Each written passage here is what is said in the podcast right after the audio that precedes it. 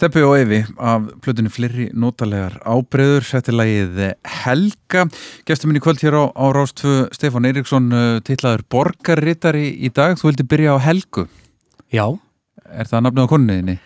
já. Er það? Þú veit, já, mjög skarpur og uh, þetta lag er mjög vel við hæfi því að Já. hún er vissulega æði og, og hérna stendur algjörlega undir öllu því sem að þarna kemur fram. Mjög gott Já, já. Já. Svo er ég að vinna líka með nokkrum helgum, þannig að þær eru víða í kringum mig. Það eru margar helgur í, í, í ráðusinu Já, þær eru minnstakosti tvær mjög öflugar. já Það er mjög gott, þannig að þetta er, er þetta óðu til þeirra allra Já, já, ekki bara segja það. Jú. En þú aðalega til konuna minna, svo, svo hún verði almennlega við mig áfram. Herri, þú, hérna, Stefán, þú ert borgarritari eins og ég sagði hérna eh, rétt á hann Hvað, fyrir þá sem ekki vita og eru leikmenn, hvað eh, gerir borgarritari? Þetta hljómar svona völdugt Já, þetta er, þetta er fallegt e, starfseiti, Mhm. það er alveg ónýttanlega og e, hljómar jáfnvel eins og borgarrittari, ég nota það gjarnan svona til þess að setja það í enn en betra samingi því að þetta gengur svolítið út á það að, að passa upp á virki Reykjavíkuborg og, og sjá til þess að allt fungir þar eins vel og nokkuð kostur er. Mhm. En e, ég svona held utan um miðlega stjórnsýsluna í ráðhúsinu á samt öllu því öfluga fólki sem að, sem að þar starfar. Já, og það er svona megin, megin hlutverkið. meginlutur ekki, já, Og, og stundum þarf að díla við pólitíkina sem að fylgir þessum, þessum vinnustaf Já, óneitanlega, hún er, hún er hansi nálægt í ráðhúsinu. Já. og uh, við uh, embættismennir og starfsfólki í ráðhúsinu vinnum auðvitað mjög þétt með stjórnmálumölunum sem, sem að þar eru. Og, og það er bara afskaplega gaman og gefandi í flestum tilökum. Já Segir hann og glottir Herri, 20 lög, 20 spurningar Já. Hvernig, eh, hvernig nálgaðstu þetta verkefni? Ég mm, er aðdándi þessa þáttar, þannig Já, að það það. var hérna, e, ég var svo sem alveg búin að máta mig inn í ymsar af þessum spurningum Já. bara þegar ég hef verið að hlusta á þáttin, þættinni gegnum tíðina. Mjög gott Þannig að e, þetta var svona tildulega einfalt verkefni að, að flestu leiti. Já. Ég svaf á tveimur, þreimur lögum eitthvað svo leiðis og e, en e, þetta var ekki, váðist ekki mikið fyrir mér. Nei, nákvæmlega. Ég, Þetta er sko stundum, mér hefur verið sagt að þetta er stundum gert að svona samkvæmisleik. Já, að, þeir sem eru búin að hripa niður spurningarnar að láta þetta kast, kastast á milli yfir yfir matabóði Já, mér finnst þetta afskaplega skemmtilegur samkvæmisleikur. Mér, ég finn það alveg þegar ég er að hlusta á fólki sem þú hefur verið að tala við að maður svona e, kynnist í betur og fær nýja vitt Mhm. og, e, og þess vegna held ég að þetta sé mjög notalegur og góður samkvæmisleikur fyrir alla þjóðina. Já, því að það skiptir máli að við þekkjum hvort annað og allar liðar og, og ekki síst þessar sem ekki eru alltaf sínilegar Nákvæmlega, og nú ætla ég að kynast þér Stefán. Já, og við ætlum að byrja í, í æskunni og, og svona fyrsta læginu sem mannst eftir að að hafa hlusta mikið á. Og svona þetta, þetta er eitthvað. Já. Ég, ég man auðvitað vel eftir þessu lægi sem að uh, þú ert að fara að spila uh, og ekki síst út af því að, að hérna, föðusysti mín, hún Hulda uh, sem að passaði mér mikið þegar ég var yngri uh, hún hafði algjört antipata á þessu lægi því að ég var alltaf að byggjum að Klara, Klara er þið spiluð spila Klara, Klara, sagði ég ekki, ekki orðin e, tveggjára Já. og, e, og hlustaði bara stanslust á þetta og fekk mikið af, af góðu tónlistaruppeldi hjá ömmu minn og afa og, og huldu frængu og, og svo fóröldinu mínum. Og þar voru þrjú á palli og Savana tríó og Ríó tríóið og öll tríóin.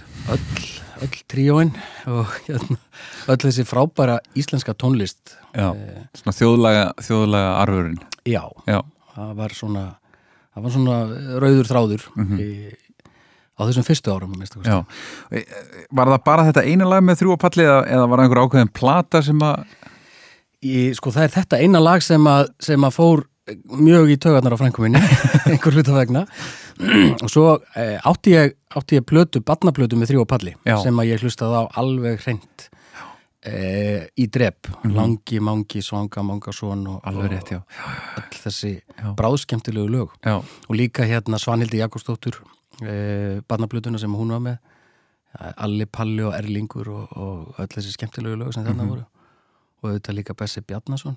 Já, ég var svo heppinn að fá að syngja með honum inn á plötu þegar ég var í barnakór melaskóla. Já hvað, á mæstu hvað plötu? það er hérna Bessi Bjarnason segir sögur og syngur fyrir börnin. Já, Og- mjög. það var, já, dekkaði alveg algjörlega allt. Já, og hérna e, og, og Magnús Pétursson stýrði í kórnum einmitt. sem að hérna var ekki síðri snillingur heldur en, heldur en Bessi og ég fekk að syngja þarna einsöngu í, í einu lagi og það er held ég það eina sem hefur verið gefið út e, af mínum, mínum söng. Þínu, þínu söngferðli, hann var stuttur. Já, hann var það aðeins lengri Já, á, á, á setni tímum. Ertu í kór núna? Nei, ekki núna. Nei. Nei. Nei, við skulum hlýða á, á þrjóapalli Klara, Klara, gerum frænguðin að geða eitthvað Undarlegt að ýmsum þótti Er þú komst í réttirnar Að þú skildir alltaf stöðugt.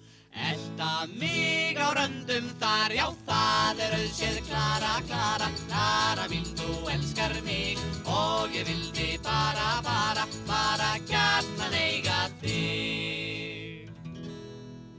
Og í kirkju á mig jafnan Ákaflega glápir þú Sumir telja að það eigi Ekkert skilt við kristna trú. Já það er auðséð Klara, Klara, Klara mín Þú elskar mig og ég vildi bara, bara, bara gjarnan eiga þig. Ef ég sting þig af á böllum Alltaf kantur ráð við því Þú í snatri þýtur til mín. Þegar kemur dömu frí Já það er auðsér Klara, Klara, Klara mín Þú elskar mig. Og ég vildi bara, bara, bara gjarnan eiga þig. Engin leið mér er að sopna Er ég heyri söngin þinn Hljóma fagurt fram á nætur. Fyrir utan gluggan minn Já það er auðséð. Klara, Klara, Klara mín Þú elskar mig og ég vildi bara, bara, bara gjarnan eiga þig. Listræn mjög og lægin ertu. Leikur allt í höndum þér Þetta sína sokkaplöggin sem þú brjónar handa mér. Og það er auðséð Klara, Klara, Klara mín þú elskar mig. Og ég vildi bara, bara, bara gjarnan eiga þig. Tekur þær sem frá þér fæ ég fjarskalega gómsætar í hjarta mínu alltaf ilja Engum heitu kleinutnar, já það er auðsér Klara, Klara, Klara mín, þú elskar mig og ég vildi bara, bara, bara gætnan eiga þig. Brátt mun okkar brúðkaup standa, brátt ég mun þér sofa hjá.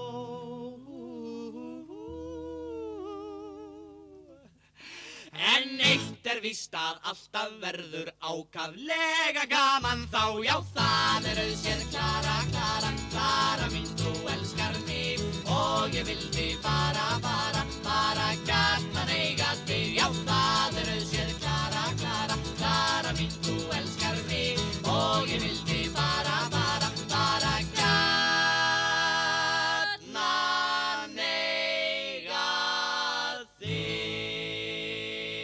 Stórmerkileg hljómsveit þrjúapalli og Klara Klara. Já, Ég get alveg skilið að þetta hérna, hafi heillað ungan dreng. Já, já ég hérna ég fílaði því þrjópalli og, og gerir svo sem enn sko. Já. ég bara uh, rúlaði gegnum þessu lög og líka bara þrjópalli samanatríóið og, og allt þetta Jónas Árnason og, mm og lögin þar Mhm. þau eru í miklu uppáldi hjá mér. Já, já, ég sé það á, á listanum að hérna, þú ert, ert mikill aðdándir íslenskra tónlistar algjörlega. Já, og ég held að sé bara eitt af besta við Ísland er, er þessi frábæra íslenska tónlist. Mhm. alveg bara frá frá því upphafi síðustu aldar og, og, og hérna fram til dagsins í dag. Já. og hún er fjölbreytt og, og skipuð hæfuleikaríku fólki alveg hreint e, á öllum endum. Já, heyr, heyr.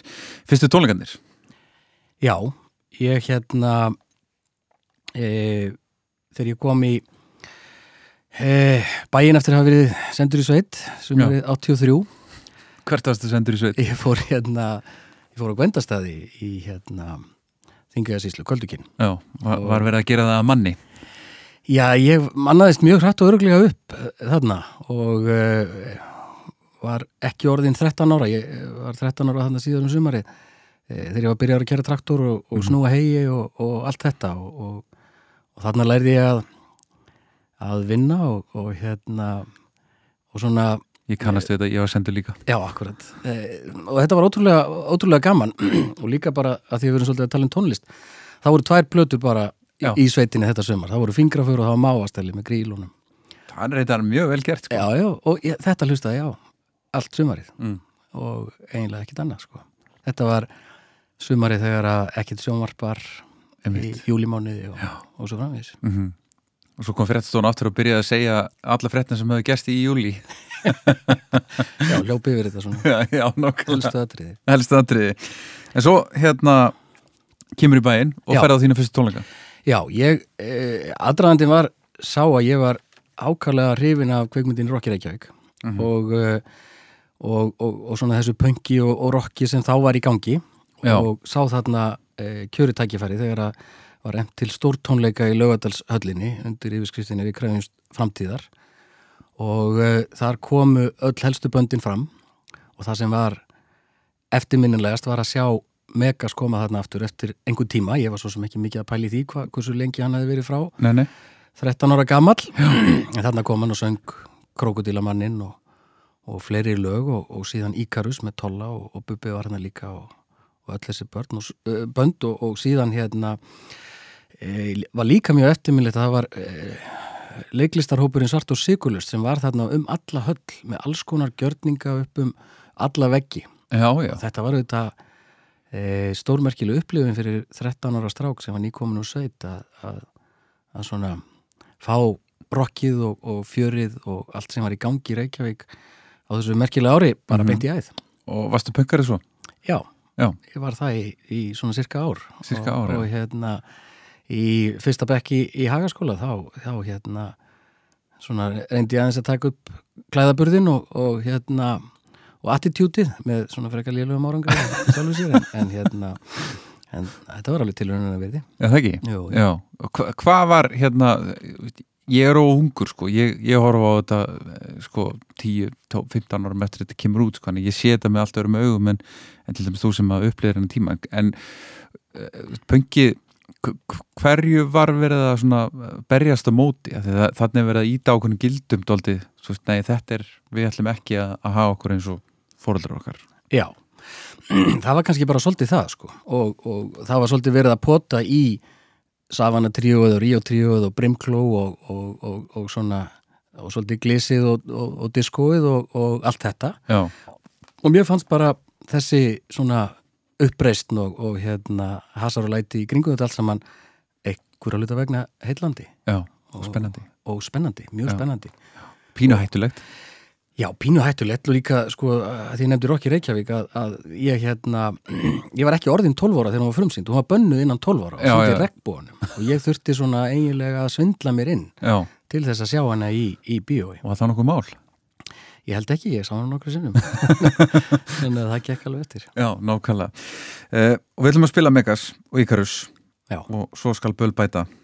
Þetta er mjög hérna, mikið svona ekki megasalegt lag. Já, en frábært er það. Algjörlega, frábært. Og textin líka svolítið magnaður og, og segir svolítið tíðanandan á þessum, á þessum tíma. Það var, voru allar fréttir af e, frá Pólandi og, og hérna og af þessum, af þessum heimsenda sem að vofði þá yfir enda voru ungmenni þarna að krefjast framtíðar. Kannski Já. svolítið eins og unga fólki er að gera í dag. Já, það er eflaust. Alveg rétt ég er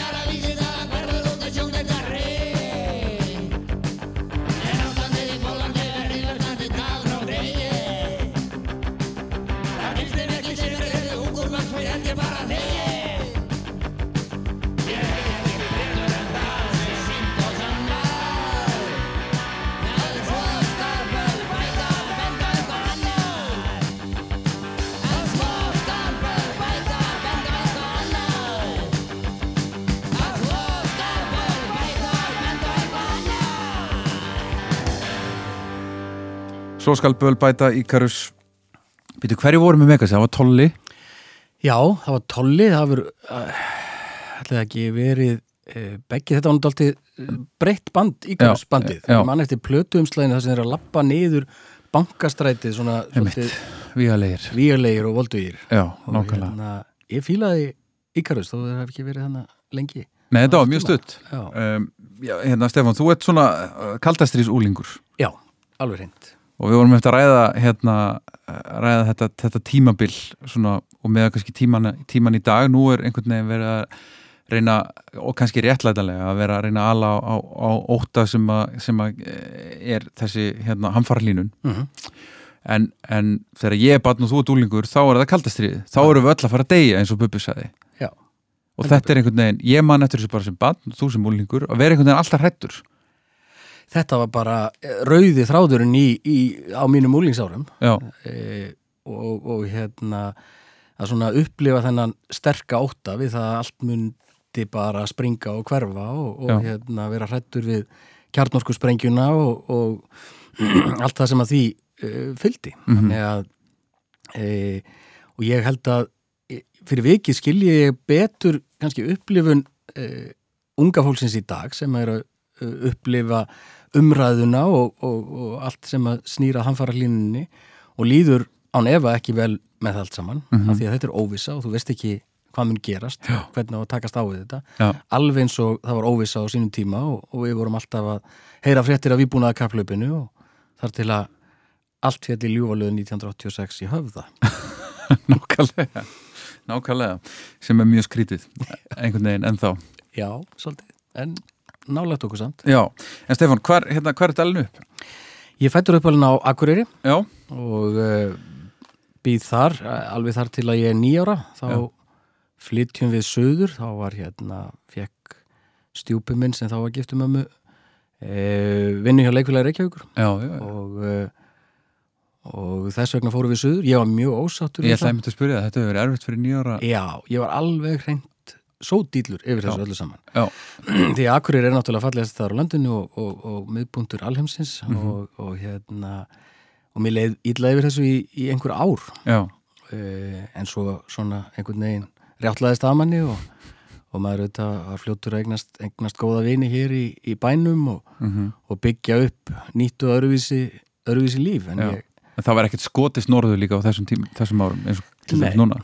Alls ekki sko. Og ég fór norður amma og afi eða amma, eh, afi deyr bara fljótlega eftir að við flytjum suður. Eh, þannig, en ég fer reglulega til ömmu og, og eh, er hjá henni og á þarna ættingja. Eh, eh, föður og, og stjúpföður núna og, og hérna og frængur og frændur og, mm og síðan ættingja líka eh, um allan eigafjörð í Hrísegi þar sem að ég á líka rætur. Já, já, já, Þannig að ég er, er mikið fyrir norðan e, í sumarfríum og, og hérna, jólafríum jáfnvel og, og slíkt. það er að koma heim Já, já, mér finnst það. Já. En þann dag í dag mm finnst mér gott að koma norður. þannig að þú verður nýjára í, hvað, í, í Vesturbæðin þá Ég fer nýjára flytju á Berstaðastræti og ég fer í Östubæðaskóla já, og síðan flytju við eftir eitt ár uh, í Vesturbæin og þá fer ég í Melaskóla og er síðan í Melaskóla Hagaskóla mm og þaðan fer ég upp í, upp í MH. já er, og þú sagðir hérna á, á milli laga á hann að það, það var bara þjóðulinn sem kom inn um, inn um lúuna sagt alveg upp á, á svona frekar rauðu heimili. Já, eh, mamma hérna er, er bæði feministi og, og, og kommunisti og, og sósialisti og, allir ístadnir og, og vinstri manneskja og, ég er svolítið alin upp eh, fyrir norðan í alþjóðbandalæginu þar og, og áfram síðan hérna fyrir, fyrir sunnan. Mm e, á mjög vinstri sinnuðu e, hérna, e, heimili og, og þangað kom bara þjóðvilin e, öfugt við það sem var fyrir norðan það sem að afi minn var í sjálfstæðisfloknum og, var umbóðsmaður morgunblæsin sem að amma tók síðan við en og, og held utan við það í, í marga áratíði fyrir norðan Já, að dreifa mokkanum en hún var hins vegar krati og, og hérna alveg á, á besta skólanum þar. Já, þannig að þetta, þetta eflust hjálpaðir í dag inn í ráðhúsi? Já, mjög, ég hérna, hef fullan skilning á öllum þessum sjónamögum sem, sem, að, sem að þar eru. Já, nákvæmlega, það það er gott. Já, Hann, en hérna e, þá hefur væntalega verið einhver, einhver músík á heimilinu eða ekki? Það var mikil músík á heimilinu. Ég man til dæmis eftir því þegar mamma fór á e, 1975 til að kaupa áfram stelpur plötuna Já, og ég hlusta á hann alveg fram og tilbaka og, og hérna fór meira að segja á, eh, var verið að halda upp á ammæli plötuna fyrir nokkrum árum í yðnú Mhm. þar sem að vinkona mín Brynhildur Björnsdóttir og fleiri voru að syngja þessi lög. Ég finnst þau alveg frábær þó að þetta séu einhverju sænski kallar sem að sömdu lögin þá, þá eh, er lögin góð og textarnir eh, frábærir og hitta í mark og eiga því miður enn vel við í dag. Sko. já, heldur betur Já. Nákvæmlega. Hva, hérna, áður að heyrum þetta lag eh, sem hún valdir, hva, hvað gerði mamma þín? Mamma eh, vann á eh, skattstofunni í, í Reykjavík og, og vann síðan á, á hérna, lögfræðiskrifstofu og fór svo yfir í banka Mhm. og eh, er núna að vinna hjá Kópáðsbæ. Hún er svona farin að nálgast eftirlaunaldur já, þó hún sé á nánast á sama eldri og ég því að hún var svo ung þegar ég var til. Ég var Já. til í hérna um, í mentaskólanum á Akureyri. já, já, já, Þannig að ég er sem sagt barn, mentaskóla barna. Fyrir norðan, satt einn vetur í, í uh, mentaskólanum Akureyri, ég hef ekki fengið það eh, metið reyndar en hérna en um, og það er auðvitað mikil gæfa eins og Lagsnes saði barna eru lukkubötn og ég held að segja út af því að þú fær svo breyðar tengingar Mhm. og ég fekk að kynast sérstaklega ömmum mínum og afa. Mhm. Út af því hvað allir voru ungir þegar ég fættist Nákvæmlega. Herru, við ætlum að- heyra Silju uh, aðstins Já. flytja hérna uh, hvað tefur þið bróðir? ég, Þetta er í, í rauninni vögguvís Já, já. átakra móður Já, af af, af, plötunni hvað tefur Já. þið bróðir og þetta er plata sem kemur út þarna akkurat á hápunkti kaldastrýsins Já. þegar, að- þegar að allt var að fara til fjandans og, og, og plötu umslæðið er frekar eftirminnilegt af ruslatunni með atombombunni ofan í og Mm þannig að þetta svona rammar svolítið inn. Tíðarandan. tíðarandan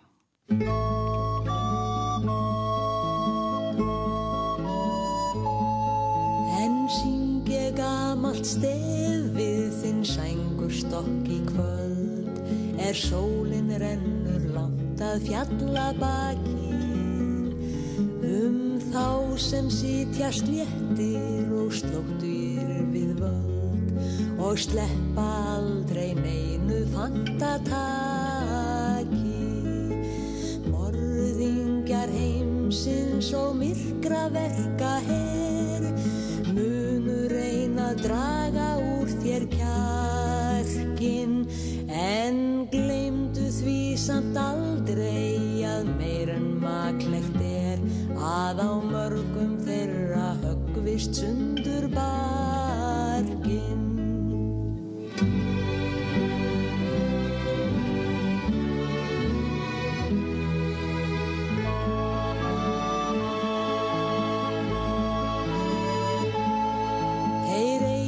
eiga glæstar hallir, þeir eiga lúksusbíl, þeir eiga meir en nóg til nýfs og skeiðar. Þeir kæf okkur í táragas og kalla okkur skríl, þeir koma okkar vandræðum til leiðar. Morðingjar heimsins og myrkra verka her, munu eflaust pína því til dauða, en gleymdu því samt aldrei að meir en maklegt er að úr mörgum þeirra vætli blóðið rauða.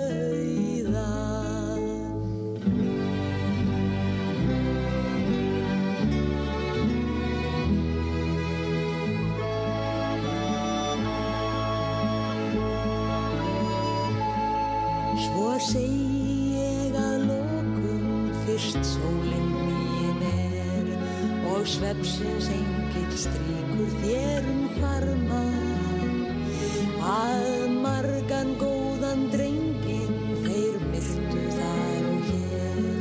Og margur hlaut að vilja sína harma. Morðingjar heimsins og myrkra verka her. Myrða okkur líka einhvern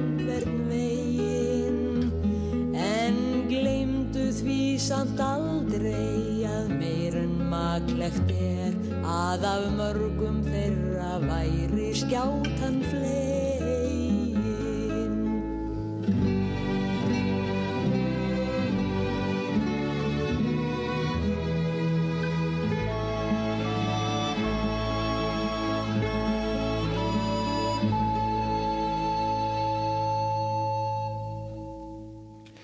Uh, vöggu vísa róttakrar móður af, af þessari frægu safla, þetta var saflata eða ekki? Já, þetta voru svona lög úr, úr ymsum áttum sem voru, voru þarna. Já. Þetta er nú svona eftirminnasta lagið og mér þykir ákala vendum þetta líka út af því að Silja Aðsensdóttir syngur þetta svona fallega. Við erum, við erum góðir vinnir, mm Mhm. sendin í styrka og hlýja ströma núna. segir uh, Stefán gestur minn í, í kvöld og, og nú er það Sagvinna Sælan, lægið sem svo er að það er gaman að við sko.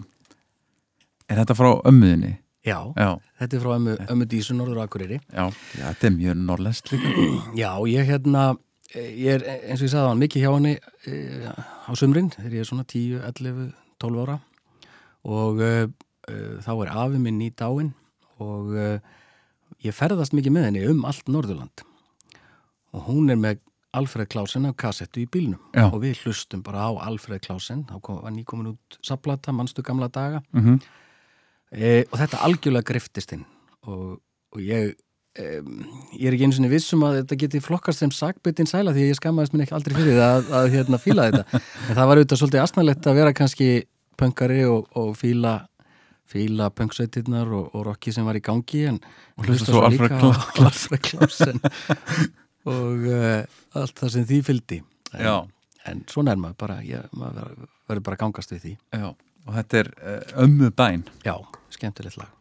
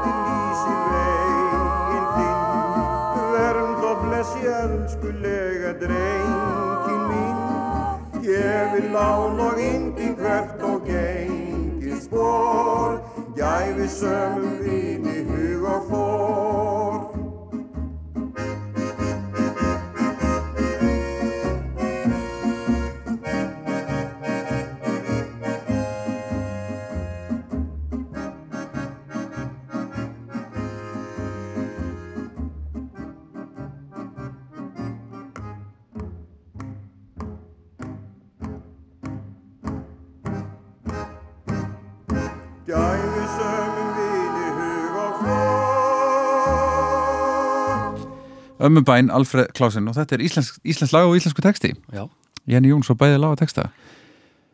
Ég, ég var ekkert einn handvisum þetta væri erlend lag og íslensku texti. já, ég tengdi þetta við Jenna, ég var ekki alveg viss hvort hann eftir lagið en, en hérna, já, ég held hann eigi það. Já, hann á, já, bæði. Herðu Stefán, uh, nú er það áratögulegin Já, Við byrjum í, í áttunda áratögnum sjöni, Sjöunni, eins og hún er stundum kölluð. Og það er lög, ég spurði málfarsránundin já, má það? Já. Ah, yes, segi ég þá. Já, já. Og, e, henni bara, hún er bara mjög á- ánægð og, hrifin af þessu. Fyrst Já. þetta eh, í rauninni eh, hérna Þetta er alveg lógist, frekar en að tala um áttunda áratugin og flækja alla Já, þetta Eða er marga. líka gaggsæra og, og skýrara Já, og fólk kveiki strax á. Já, og það er ekki alltaf að reikna. Sjön Sjöan, Hvað er þetta í sjöunni? Ég er út um allt í sjöunni. Ég er að, eh, þú veist, ég fíla Rod Stewart og ég fíla eh, Queen og, og hérna þessi glissbönd líka. Eh, ég náði ekki sko, al- almennilega tengingu svona við þungarokki sem var þarna og, og, og, og síðan á áttunni. En, um, en David Bowie held ég að standi upp úr þarna og nánast eiginlega bara á öllum áratugum. Já, já, eiginlega. Í frá sko. Já, það, já, ég held að sé alveg rétt hér hann á, hann á uh, hann á bestar bestu plönduna séru hann uh, í sjöunni en, en það er alltaf eitthvað í, í áttunda og, og, og tíunda. Já.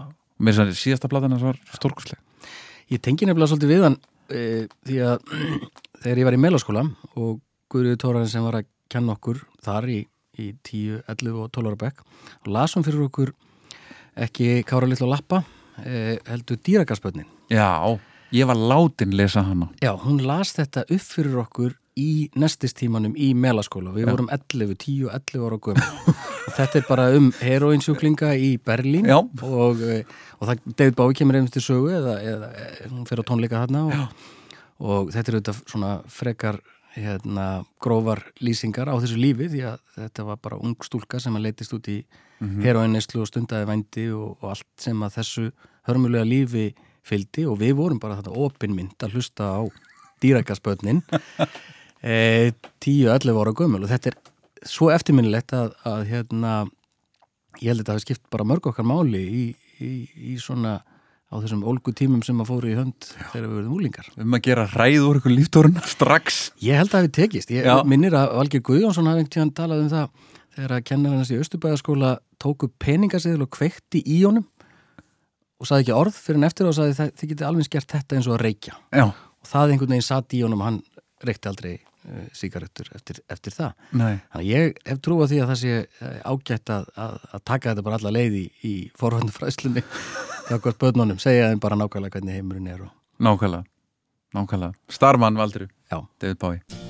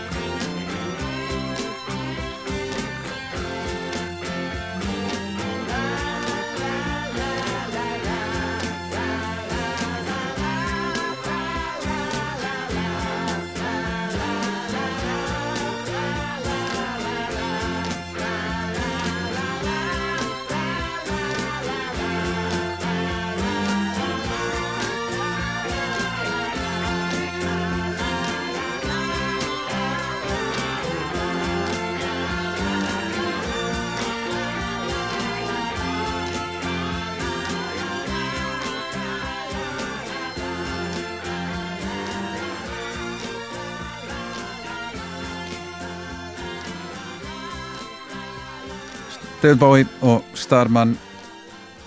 Var þetta fyrsta Bowie-lagi sem kom bara, já þetta það er svo mörg. Ég mjónaði með þetta val, þetta er aðeinslega lag þetta er eitt af uppáhalds Bowie-lögunum mínum. Já, það bara, eh, já, það, það var bara þetta lag. Já, og hérna, jú, jú, það voru önnur sem kom til greina, að sjálfsögðu, en þetta einhvern veginn svona kveikir í mér. mm Herra, það var áttan.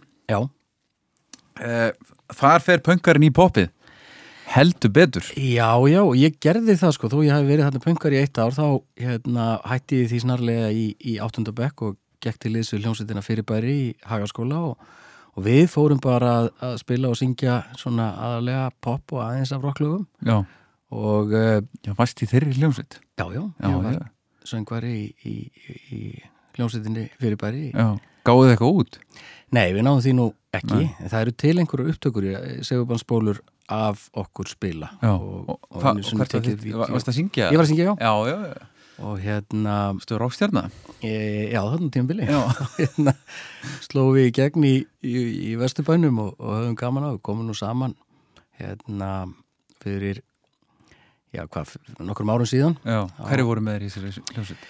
e, Kristján Eldjátt, gítarleikari og, sem að því miður er látin var auðvitað, aðal sprautan í þessari sveit því að hann var magnaður gítarleikari. Mhm. e, tveimur árum yngri en ég og, og, og hérna, aðeins minni líka meira að segja og hérna, en, en algjörleitt og í þessari sveit. Ingi Ragnar Ingarsson var á trommur, Haraldur Kristinsson á hljómborð og, og bassaleikarin Baldur Stefansson sem fór síðan í Guskus og, Vá, og fleira. Skemmtilegt. Þetta er alveg hljómsveit? Já, já, þetta var góð hljómsveit. Og við komum saman hérna aftur fyrir fimm árum síðan þegar Páll Sævar vinnur okkar held svona Mottumars viðburð og reunion fyrir Hagaskóla gengi og vorum hérna upp í Öskulíðinni og, og spiluðum þar á góðu balli. Og það þurfti hvorki meira niður minna en þrjá gítarleikara.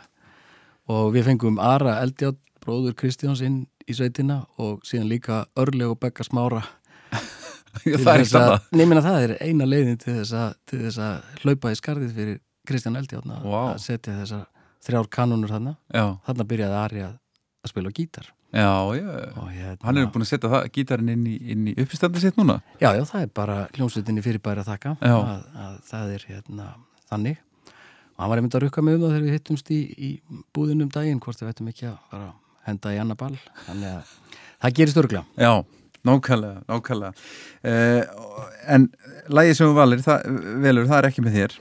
Nei, nei, kemur óvart Nei, nei, ég hérna, ég var svona aðeins að, að taka þessi lög sem við vorum að spila á tónleikunum sem að voru hérna e, bæði íslensku við vorum með Djúran og, og hérna tókum Gago Vest og ýmislegt fleira svona, en e, við tókum þó ekki Together and Electric Dreams með Philip Oki og, og Giorgio Moroder, en mér finnst það bara einhvern veginn svo enkinnandi fyrir tíðarandan þarna. Já. Og það einhvern veginn lifir svo vel líka Já. og líka bara eh, þegar það er að byrja þetta er svona, þetta er svona intro fyrir hérna fullkomnu innkomu hvar sem þú ert að koma inn ef þetta syngur í hausnum á þér þegar þú ert að ganga inn þá uh, myndu algjörlega sigra það verkefni sem þú ert að vera að takast á við Heyr, heyr.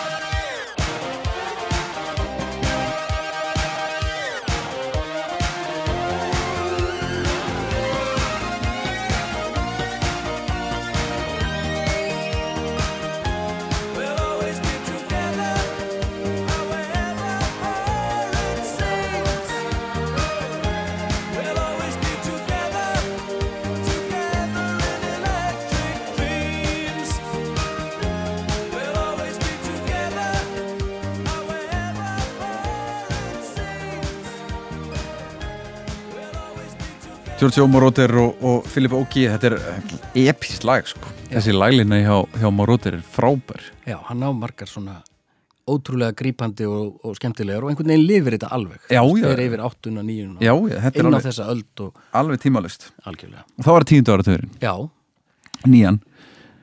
Ég hugsaði aðeins um þetta e, því að ég er á þessum áratug e, að ala upp mín fyrstu börn Já. þau fæðist að 89 og 91 og, og það er bara á kafi í bleium og, og lögfræðin á mig á, á þessum árum. Og og er svo sem ekki mikið að pæla í annari tónlist heldur en bara þeirri sem var þegar búin að hlusta. En það er mjög eftirminnilegt þegar að ég sé í sjónvarpinu myndbandið og hlusta í fyrsta skipti á lagið Wannabe með Spice Girls. Mhm. eh, ég vissi ekki neitt. Veist, það var náttúrulega ekkert internet eða neitt sem ég var að lesa hvað þetta var eða, eða, eða, eða hverjar þessar konur voru eða, eða hvað það höfðu fram að færa en það náði mér alveg svona Já. bara 1, 2 og 10 Mhm. og ég, ég veit ekki hvort að uh, það sé satt að þetta sé ein taka myndbandið allt saman en það er svona nánast lítur þannig út Já. ég held að sé ekki þannig en, en það heitlaði mig líka sko. Ég fannst þetta vera bara einhvert, einhvert hérna um, einhver svona einhver svona kablaskil bara og, og þannig opnuðust augum mín fyrir fyrir þessum frábæri stúlkum sem að, sem að þarna komið fram. Og ég held að þær hafi svona uh, brotið einhvern ís uh, fyrir Það gerði það sko. fyrir ansi margar ungar stúlkur. E, og, og opnað, opnað svona inn á opnað fyrir, fyrir aðra. Þannig að mm, ég er hrifin af, hrifin af þessu lagi. Mhm. Það er líka smá punk í þessu, í þessu lagi sko. Já, já, það, það var eitthvað sem greið mig alveg strax. Já. og uh, eitthvað sem að heilaði mig, þetta er auðvitað einhver markasetning á bakvið þetta eins og, eins og gengur og gerist en, en hérna, við föllum fyrir því eins og, eins og allir. Spice Girls, Wannabe. Yo,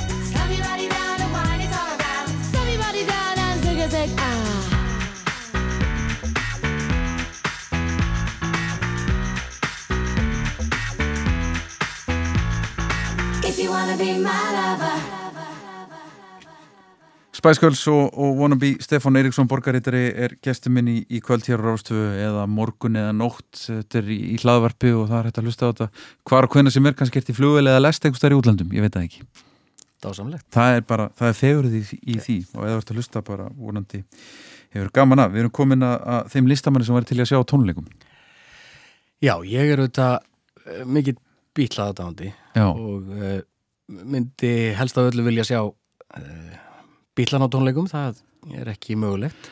Nei. því miður. Uh, John Lennon uh, uh, er minn aðalmaður þar. Já. þó svo Paul McCartney og George Harrison og Ringo Starr séu frábæri líka. Og ég man það bara enn þann dag í dag hvar ég var þegar ég heyrði fréttinir að að, hann hefði verið skotin Mhm, og uh, finnst það óendanlega sorglegt fyrir alla. Mhm. Og uh, hefði svo gjarnan vilja sjá hann, sjá hann spila. Og ekki síst þetta ágættur rocklag sem að ég valdi. Því að e, það er svona, er einhverjar sögur á baku það eins og öllunur, öllunur lög sko. Og Elton John spila með honum í þessu lagi. Og e, Elton John fílaði þetta lag strax og sagði við hann að hérna, þetta verður smellur. Mm. nummer eitt. Og John held nú ekki, John Lennon e, og Elton sagði þá við hann ef að ég hef rétt fyrir mér þá e, kemur þú fram á tónleikum með mér. Já.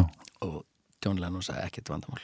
Svo fór þetta eitt, nummer eitt í bandaríkjunum og, og síðustu tónleikandi sem að Lennon kom fram á voru með Elton John í Madison Square Garden 74 eða 75 ykkursleis Já, já, ha, það þetta var, það var svar við þessu veðmáli. Þetta las ég náttúrulega bara á internetinu svo, svo allt annað sko. Já, þannig að um, ég hefði gætna vilja sjá John Lennon. Já, í samanlegaðir Whatever gets you through the night John Lennon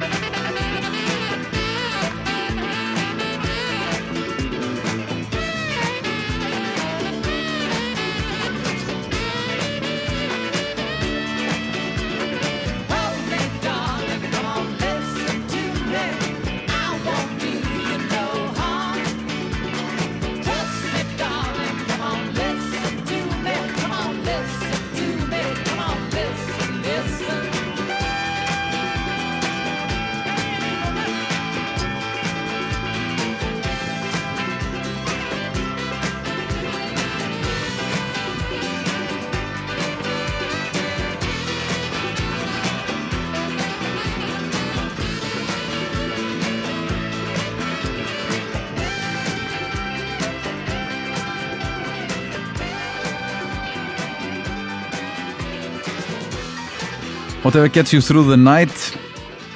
Þetta er hérna Þetta er miklu eltonlegra lag en, en, en Lennon. Já, ég held að eigi tölvert mikið í þessu. Já, Elton John Mhm. sem er, með Guðfæðir sonar John og Jóko já. Það er, það er eitthvað rétt við það. Já, og hann líka guðfæðir hérna, Brooklyn Beckham ef ég mann rétt. Þannig að hann hefur komið við að við Elton, Elton John Nákvæmlega. Herðu, platta sem fær aldrei leið á Þar, eh, þar kemur Lennon vissulega við sögu. Heldur betur. Það er uh, Abbey Road með bílunum Já.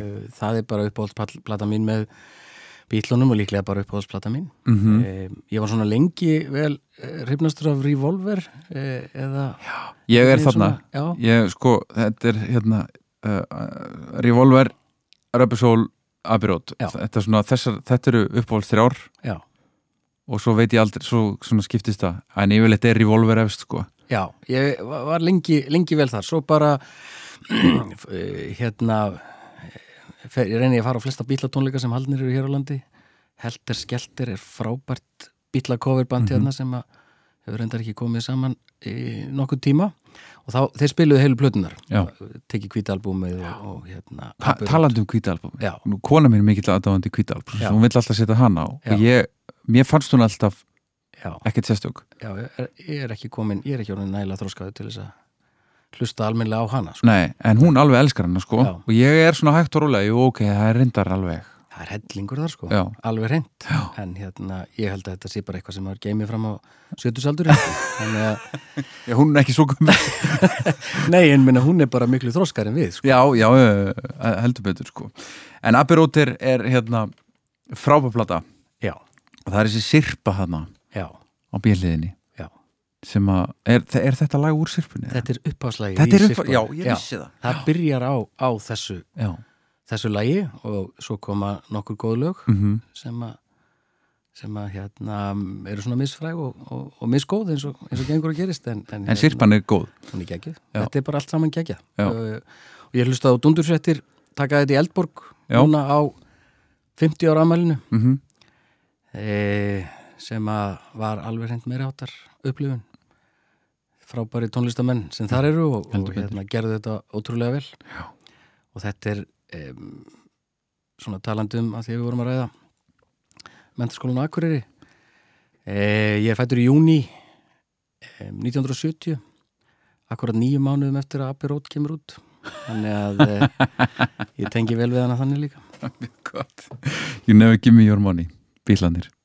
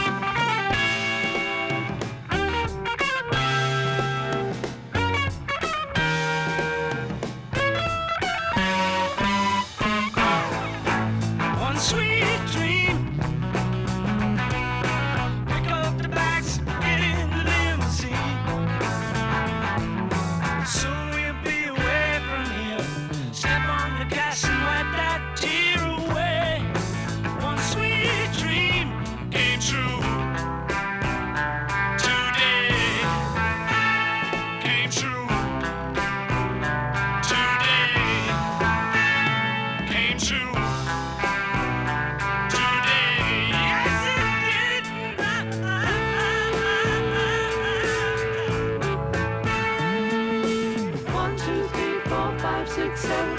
All good children go to heaven.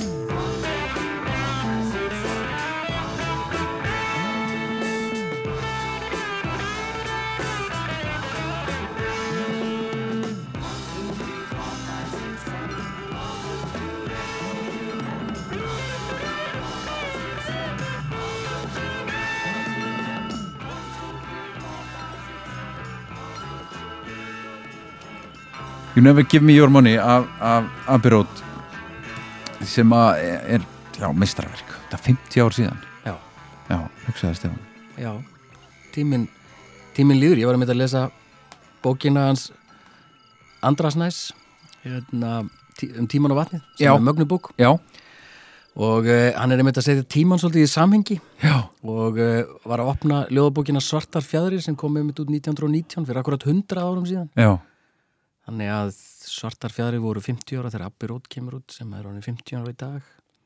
Já, einmitt. Þannig að uh, ég veit ekki alveg hvað ég er að segja með þessu en, en uh, þetta einhvern veginn setti hlutina í samhengi fyrir, fyrir mig. Já, ég, hérna við, hérna uh, Arnar gett ræðum oft saman um, um svona hérna uh, með tíman og, og, og, og popkultúr og svona, við lifum ótrúlega hérna, ótrúlega merkilegum tíma það, eh, hérna einmitt, bítla, bítla, Abbey Road sem er sko bítla, svona síðbítlaplata er orðin 50 Já. og hérna eh, þetta er orðin svo gamalt. Já, og, popkultur var svo ungur fyrir ekkert svo lungu síðan. Já, og, og, og sko samt þó þetta sé orðið gamalt þá, þá var ég bara tónleikum með Paul McCartney í, á síðasta ári oh.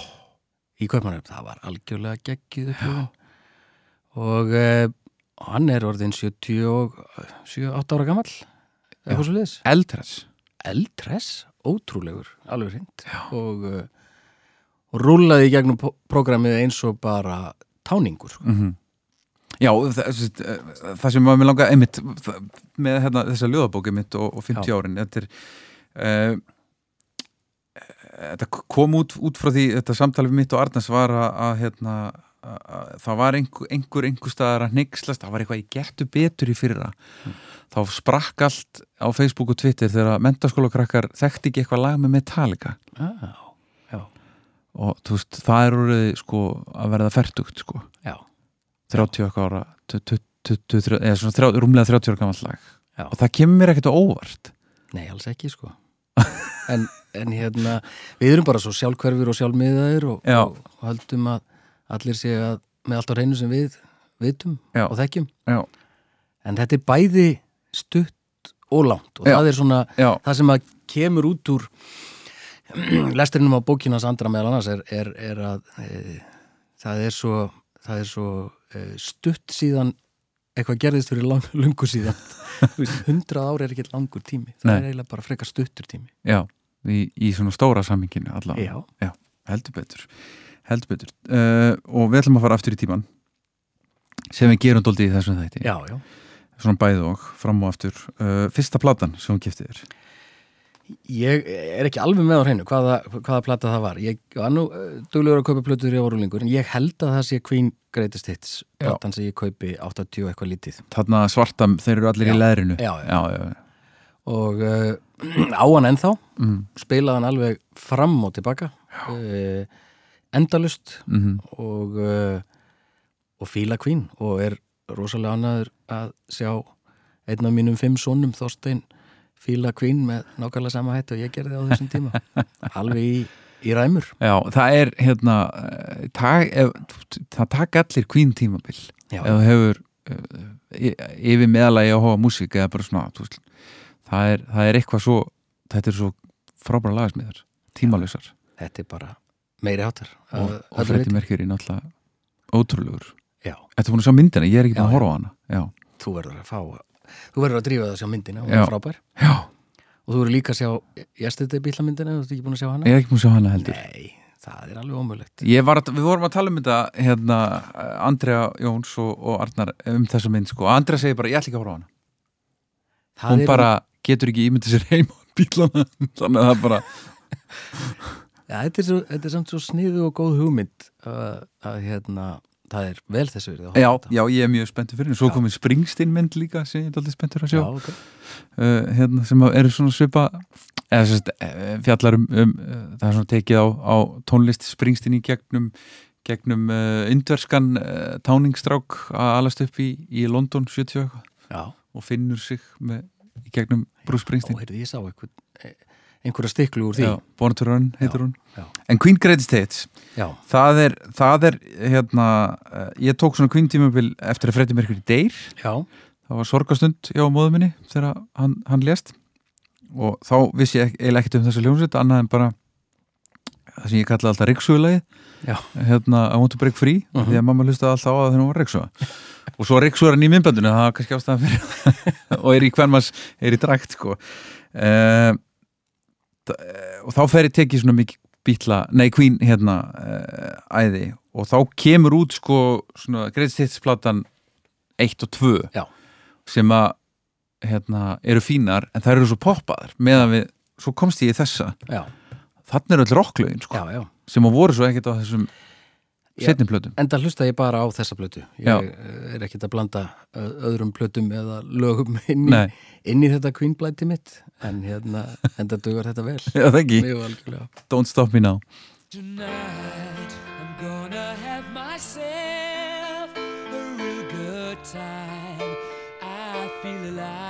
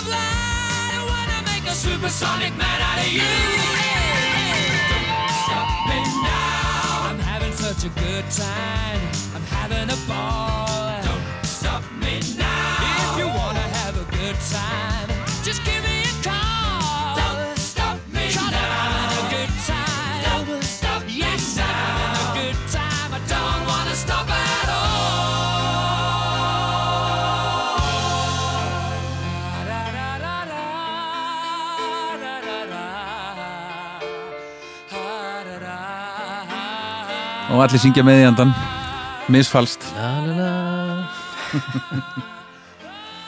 Herri Stefán, við erum komin að- kveikmyndatónlistinni Já, Þú velur hérna nokkuð lög úr þessari uh, stórkostlegu bíómynd og ég með þau öll.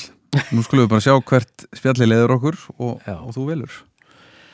Já, ég hef aðeins, aðeins búin að nefna Rocky Reykjavík e, að því að hún svona kveikir svolítið í mig þegar ég er 12 ára, 11-12 ára gamall. Já. e, og e, opnar augu e, barsins fyrir því sem var í gangi í Reykjavík á þessum tíma. Náðu hún að hérna, summeraði hún upp Reykjavík sem var þá? Var Reykjavík svona eins og Já, eins og, eins og svona um, ég man eftir, eftir þessu. Ég var hins vegar ekkert inn á þessum stöðum Nei, nei, á þessum tíma þegar Nei. þessar hljómsveitir eru að spila Nei. nema þarna ég Hanga fékk Já, alltaf það sko en, en ég sá þessa tónleika í lögatsvöld 83 og svo þetta upp úr því þá fyrir maður að fylgjast með. En þessi sena svona frá 80 til 82 Mhm. gerist alveg á þess að ég sé beitt þáttakandi í því. Já, en uh, mér finnst hún ótrúlega heillandi og það er ótrúlega mikil gróska greinilega í gangi í bílskúrum út um allan bæ á, á, þessum, á þessum tíma og, og uh, ég var heillaður að þessu öllu, ég var heillaður að kvikmyndinni uh, plötunni síðan bleiku í tvöföldu Já, albúmi já. hlustaði á þetta alveg hreint endalust og, uh, og meira segja ég hérna uh, þegar ég var uh, allt í norðin verulegu diplomat sem var tvö ára á starfsverli mínum þegar ég vann út í Brussel og kynntist í sænskum hérna, manni í sömu stöðu hátsettum embættismanni sem að sagði mér frá því að hann hefði verið í pungsveit Já. þegar hann var ungur. Já, og ástæðan fyrir því að hann, hann sagði mér þetta var að, að e, þá var einhver rítskoðun í gangi og þá var rítskoðuna nefnd sem að bannaði lag með pungsveitinni sem að hann í Svíþjóða í öllum stöð Svíþjóðu öllum stöðum og hérna og honum fannst það svo skemmtilegt því að hann hitti auðvitað síðan þessa konu sem var formaður þessar réttskoðunar nefndar í, í, í, í Svíþjóð e, síðar þegar hann var komin sem lögfræðingur inn í, inn í kerfið. Og þetta er hátsettur maður í, í, í lauruglukerfinu í, í Svíþjóð í, í dag og ég tók mig til og, og, og, og hérna sendunum Vafáes útgáfa Rokki Reykjavík keift hana bara í bókabúð og, og sendunum hana út Já. svona til þess að tengja hann við pöngsennuna í Reykjavík á, á þeim tíma sem hann var aktífur. já, og, og, og horðan Ég held það. Ég, allavega, hérna, e, þorðan ekki segja neitt annað. við þurfum að staldra, stald, staldraðins við þetta, þetta Brussel-æfndrið, hvað varst að gera þar? Ég var að vinna, e, eftir ég útskjóðastu lögfræðinni fór ég að vinna í Dóms- og kirkjumálránundinu og fór síðan í tvö ár á vegum þess e, að vinna í sendiráði Íslands í Brussel. Já, já, já. og var þá að halda utan um, hérna, e, samskipti við e, aðeldaríki Schengen-samningsins og, og EES-samningsins á, á þessum svona málefnasviðum Dóms- og kirkjumálaræðinsins mm Mhm. byggum þarna í um það byrjum tvö ár já hvern- hvernig kanntu við Brussel? frábær borg, Já. ótrúlega fjölbreytt og skemmtileg og, og um, margt gaman að sækja þanga og Já. ég til dæmis sökti mér ofan í sögu Waterloo sem er þarna rétt hjá að því ég hef líka gaman að sögu og, eh, og, og þessu, þessu episka stríði sem að Napoleon háði akkurat þarna eh, hvet alla sem eiga leið um Brussel eða Belgíu að, að fara til Já, og skoða það.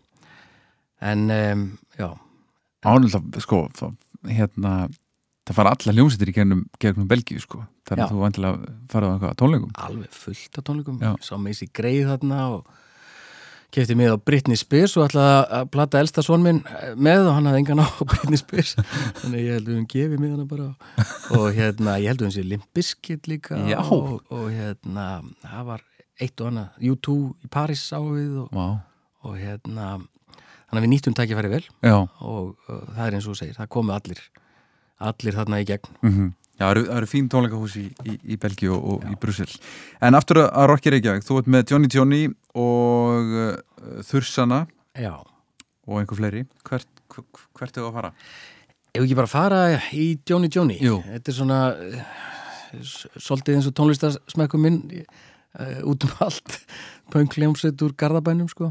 Mhm. og er einhvern veginn á það að heilla mig þarna þessi öskur í hérna eh, þessum lögum sem að, sem að þarna voru Hver er svo segur?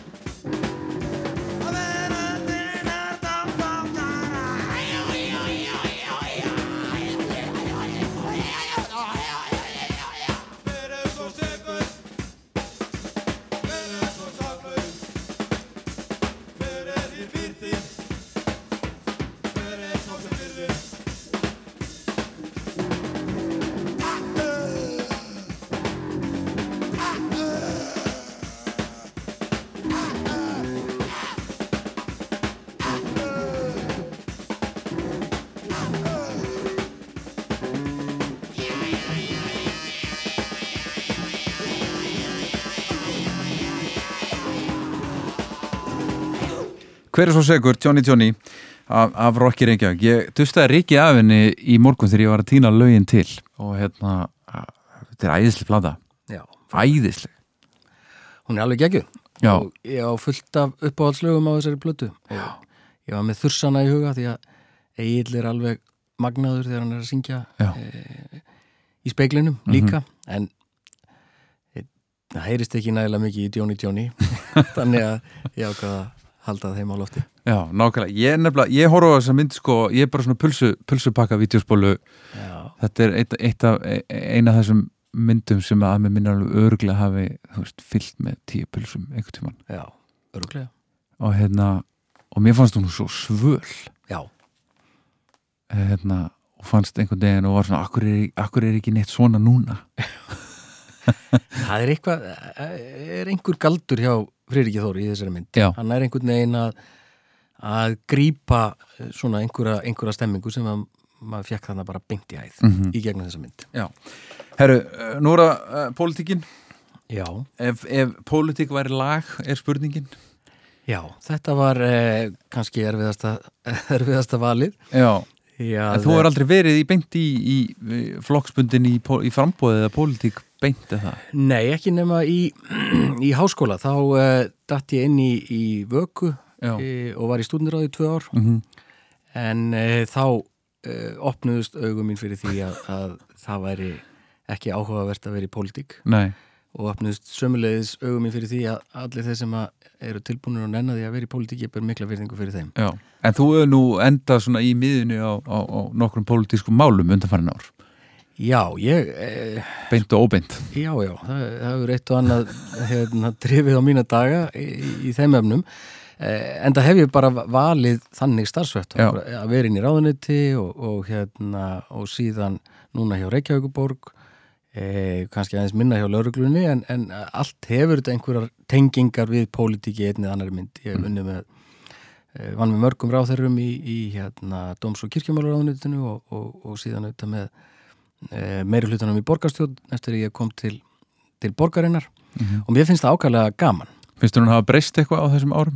Pólitíkin um, ég eh, veit það ekki alveg hvað er best að segja Út í hinnum stóra heimi er hún án efa verið en hún var fyrir bara þremur árum Já, ég eh, er auðvitað eh, líka svona áhuga maður um sakfræðum að skoða svona eitt og annað og pólitísk umræða fyrir bara 80-100 árum var frekar ógeðfelt Já. þegar maður bara les blöðin og, og, Mhm. og sér það sem að menn voru að láta frá sér fara á þeim tíma. Eh, við dettum einstakasinnum í þann pitt hér en eh, heilt yfir finnst mér bara að vera öflugt og gott fólk í pólitík hjá okkur. Og mér finnst við eiga alveg ótrúlega frambærilegt fólk í, í líkilstöðum, horfum bara á fósættisráð þeirra og, og borgarstjóran og fósætta Íslands, þetta er alveg reynd yfirbúrað fólk Mhm. að mínu mati og, og, og bara gæfa fyrir þjóðina að, að þetta öfluga fólk sé tilbúið að gefa kosta sér í þetta. En, en ég nenni ekki að taka þátt í pólitík.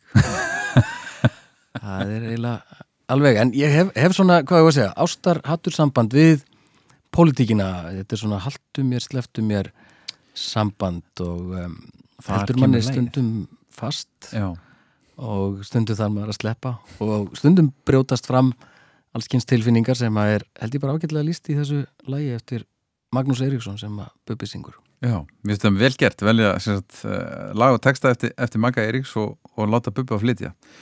Uh, Haltu mig fast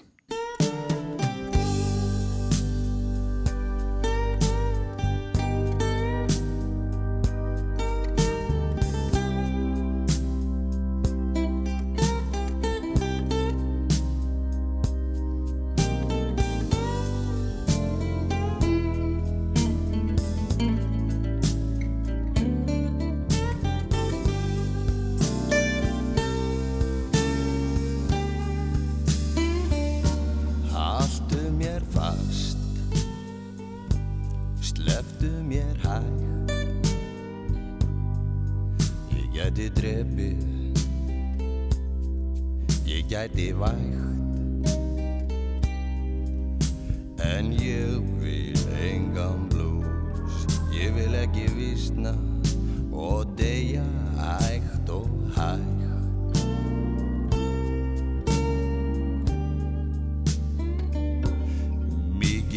Meira.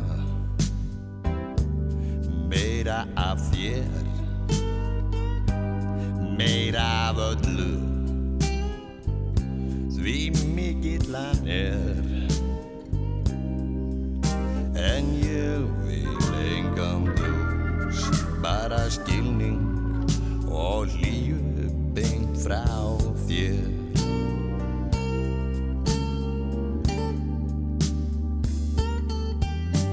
Þú gætir þóst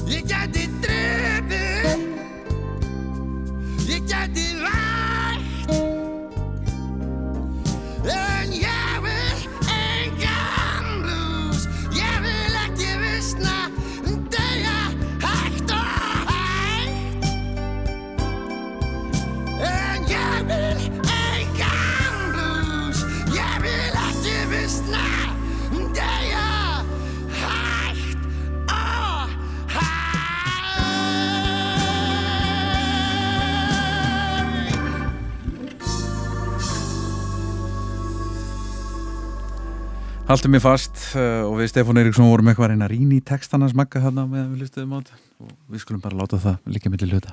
Já, já, gera það. Já, því, því hlustendur geta bara, getið tólkað hennan text eins og, eins og við viljið við ætlum að halda okkur við íslenska tónlist því að næst er að uppáhalds íslenska lagið. Já. Það eru mörg að velja.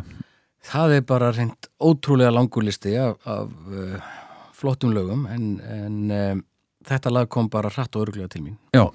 Orðin mín Mhm. eftir Braga Valdimar. Mm Hann er hérna, hann er snillingur Já. og uh, ótrúlega fjölhæfur laga og textasmiður og verðist einhvern veginn hitta í mark með allt sem hann gerir Mhm. og gerir það svo sannarlega með þessu, þessu lagi. Já. Þetta er Memphis Mafia Já. og Sigur Guðmundsson. Já. Orðin mín.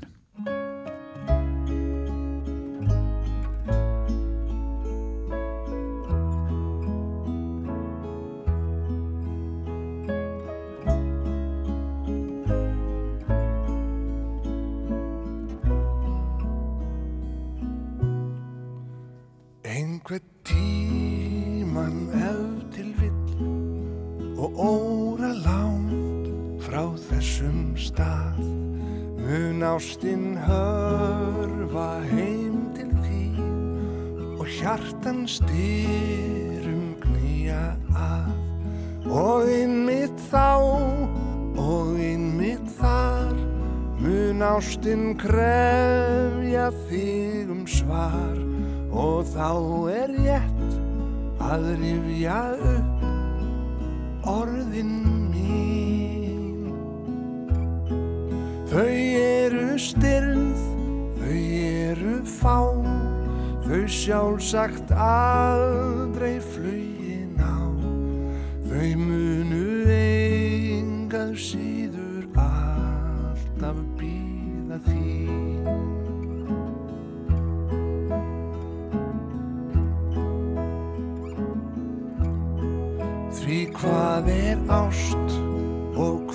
er svar og hvernig geymist allt sem var. Mundað hvar sem hjartað slær, hamingjan er oftast nær. Og einmitt þá og einmitt þar mun ástinn krefja þig um svar og þá er rétt að rifja upp orðin mín. Þau eru styrð, þau eru fá, þau sjálfsagt aldrei flugin á. Þau munu engað síður alltaf býða þín.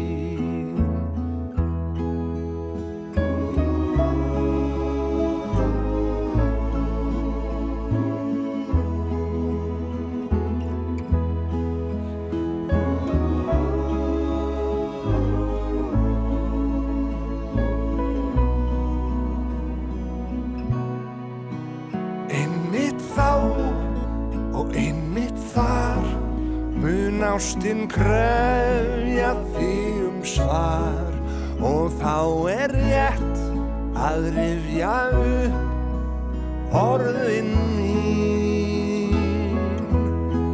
Þau eru styrð, þau eru fá, þau sjálfsagt aldrei flugin á.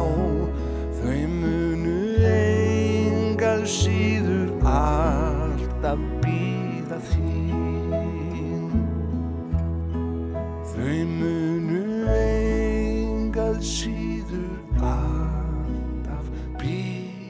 þín.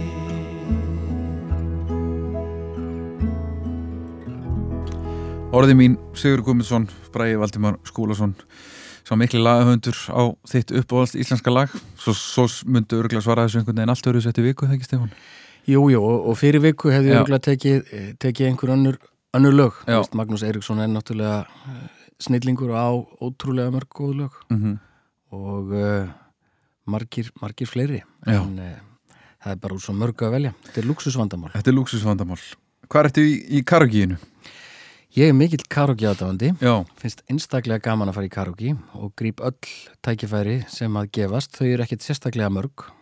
Mér finnst það allt og lítið af karaoke stöðum á Íslandi og það ætti að vera, talar að mikill ástriðu núna. það ætti að vera fleiri og e, fólk ætti að gera þetta reglumundið því að þú fær góða útrásaði að syngja í, í karaoke og í góra vinna hópi og, og þetta er bara einn besta skemmtun sem hættir að komast í að mínum. Já, Ég er ekki að grínast með þetta. nei, en þú ert líka með rödd, eða ekki? Þú getur sungið. Ég er gaman að ég að syngja, við skulum orða þannig og hérna e, og, og fæð þá útrást núna í, í gegnum karaoke Já. þannig að e, en, en þú veist, þetta er svona kannski 2-3 ári sem maður dettur í þetta Einmitt, og ertu svona eh, alltaf samanlægið eða eður klukkutíma í möppunni að, að finna eitthvað skemmtilegt? Ég veit nokkurn veginn hvað ég er til í að syngja Já. og tek e, alveg nokkur lög, þú veist Tom Jones og Simple Minds og Duran og, og eitt og annað Mhm. og ég fór svolítið á, á karaoke stíði, hérna karaoke barinn sem var við hliðin á Obla D Já, stórkostlegt e, stórkostlegu bar e, og ekki síst út af því að þau voru með íslensk lög já. og þar var hægt að taka gag og vest Þetta var ekki minni upp á staðu, Stefán. Nú, af hverju Ég bjóð þarna beint á móti og sverfningus glöggi mér var út á frakastík. Ég skilði þig beint á móti þessum karokista. Já, já, ég, ég finn til með þér en, en hérna, einhver staðar verða vondir að vera Já, rétt. Rétt. Það var, það var sko, það var, það var minni læti í, í, í hérna, í gestum Óbladí en, en af karokistanum oft. Já, ég er ekki hiss á því En það er gaman að fara í karaoke Já, mjög, mjög, Já. mjög. Þú ert með tvö lög Já, já, já ég, hérna, sem eru svona þín lög. Já, já, ég hérna ég hérna e, flutti einu svona erindi á Norræna lögfræðingamótin í, í Stokkólmi og hérna e, og, og það var hérna ákveðin svona þólraun að ganga í gegnum því að það var flutt á dönsku og ég satt síðan fyrir svörum í, í panel og, og eitt og annað. Og hvernig ertu í dönsku? Ég er ekki, ekki sérstaklega góður, getur bara spurt Lófisu Kristjánsdóttur sem kendi með dansku í hagaskóla en hérna Þú gæst klóraðir í gegnum þetta? Ég, ég gerði það og, og hérna þökk sé eh, hérna Lófisu og, og dansku kennurum mínum í MH síðan þar á eftir. Eh, en eh, síðan er þetta eh, svona ími skemmtun sem að tengist norrænu lögfræðingamótin og ég fór og, og söng svít transvestætt á stórum Karikistað svo nokkrum ára setna kom kollegi minn lögfræðingur til mín og hérna sagði, heyrðu það frábær framistæði hjá þeir á norrænu lögfræðingamótinu ég held að vera að tala um fyrirlesturinn. Þá var hann að tala um Sweet Transvestite. Já. þannig að hérna já, Rocky Horror. Rocky Horror. How'd you do, I? See you've met my faithful hand in hand. He's just a little brought down because when you knocked, he thought you were the candy man. Don't get strung up by the way I look. Don't judge a book by its cover. I'm not much of a man by the light of day, but by night I'm one hell of a lover. I'm just a sweet transvestite from transsexual Transylvania. Let me show you a rhyme maybe play you a sign. You look like you're both pretty groovy. Or if you want something visual that's not too abysmal, we could take in an old Steve Reeves movie. I'm glad we caught you at home. Could we use your phone? We're both in a bit of a hurry. Right. We'll just say where we are, then go back to the car. We don't want to be any worry. Well, you got caught with a flat world. How about that? Well, babies, don't you panic. By the light of the night, it'll all seem alright. I'll get you a satanic mechanic. I'm just a sweet transvestite from transsexual Transylvania. Why don't you stay for the night? Night. Or maybe a bite. Bite. I could show you my favorite obsession. I've been making a man with blonde hair and a tan, and he's good for relieving my tension. I'm just a sweet transvestite uh, from transsexual Transylvania. Hey, hey, I'm just a sweet transvestite Transylvania.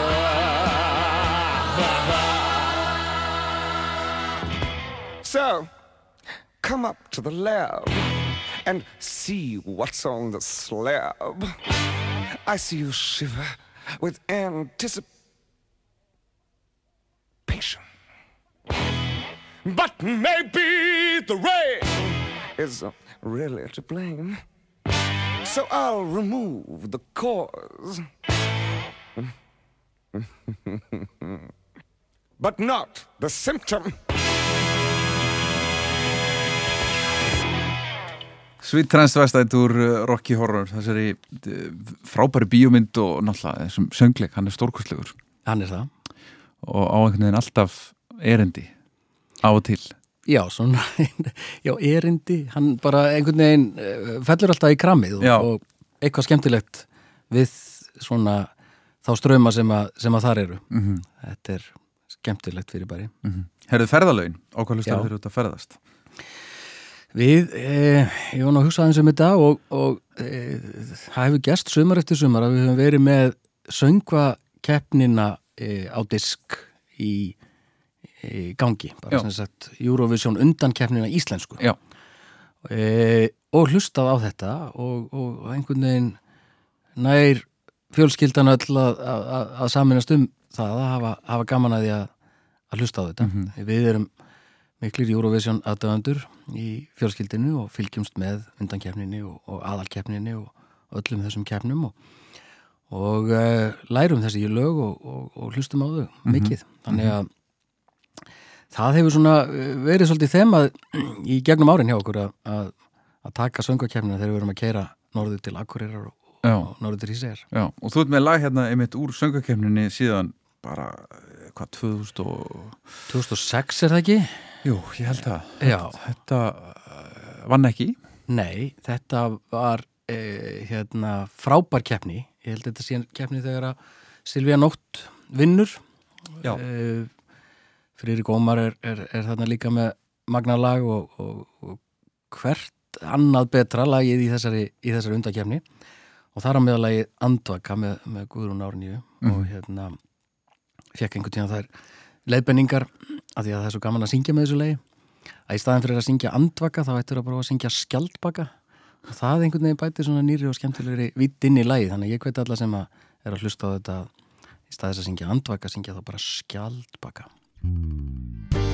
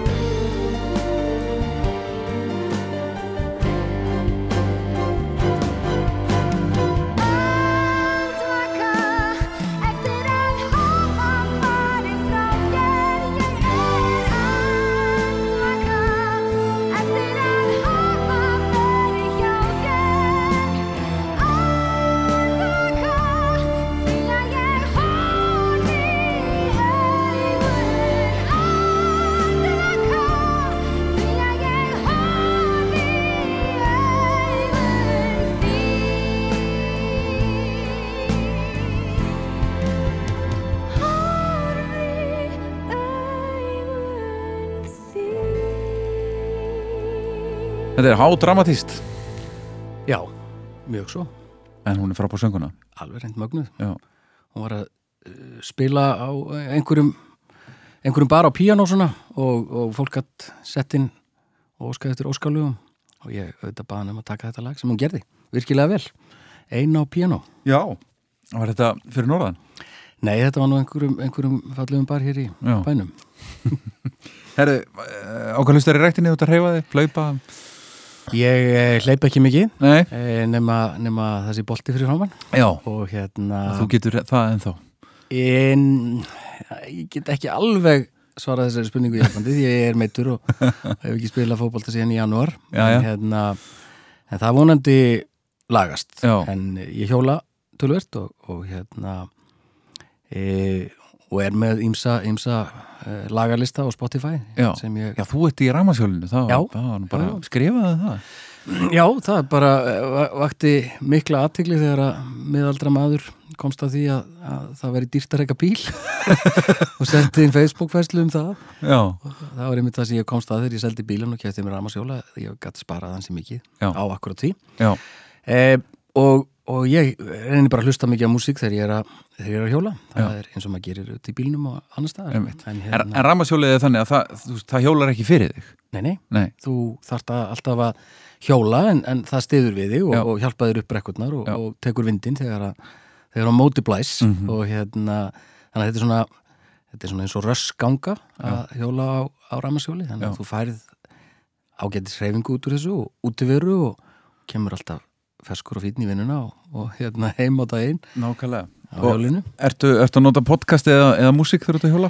Ég hef bæði verið að ég er aðalega að hlusta músík Já. en ég hef líka hlustað á hljóðbækur hlustaði til dæmis á Hallgrím Helgason lesa hérna frábæru bók 60 kíló á solkíni eh, hérna þegar ég var að hjóla til og frá vinnu núna í, í hérna í haust Mhm. og, og, uh, og ég mæli með því það er, það er algjörlega magnaðulegstur mögnubók og, og hérna fín leið til þess að ferðast á, á millistaða, hlusta á hvort heldur sem er hlaðvarp eða, eða hljóðbók eða, eða músík Já. en ég hlusta mikið á músík Já, svona að maður líka að gera upp vinnudaginn á leiðinni heim. Já, það er rétt. Þá er þetta aldrei ert aldrei algjörlega búinn í vinnunni þegar þú kemur inn til þín. Já, það er nefnilega, þetta er alveg laugreitt hjá þér ég er svona, svona 10-15 mínútur að hjóla heim og, og þetta er svona uh, þetta er svona mjög þægileg leið til þess að stempla sig út og miklu betri heldur en að setjast inn í bíl og, og hérna pyrra sig á umferðinni Já, heyr, heyr.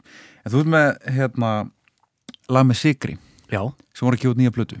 Já, ég er ekki búin að hlusta á hana hún er mjög góð. Ég var að demba mér í það Já. en þetta Reykjavíkulag þeirra er algjörlega magnað Já. og hérna það er einhvern veginn svona bætir geðum um á lámarki 5-10% í hvers getur sem að hlustar á það þannig að ég mæli með því Sigur, Reykjavík.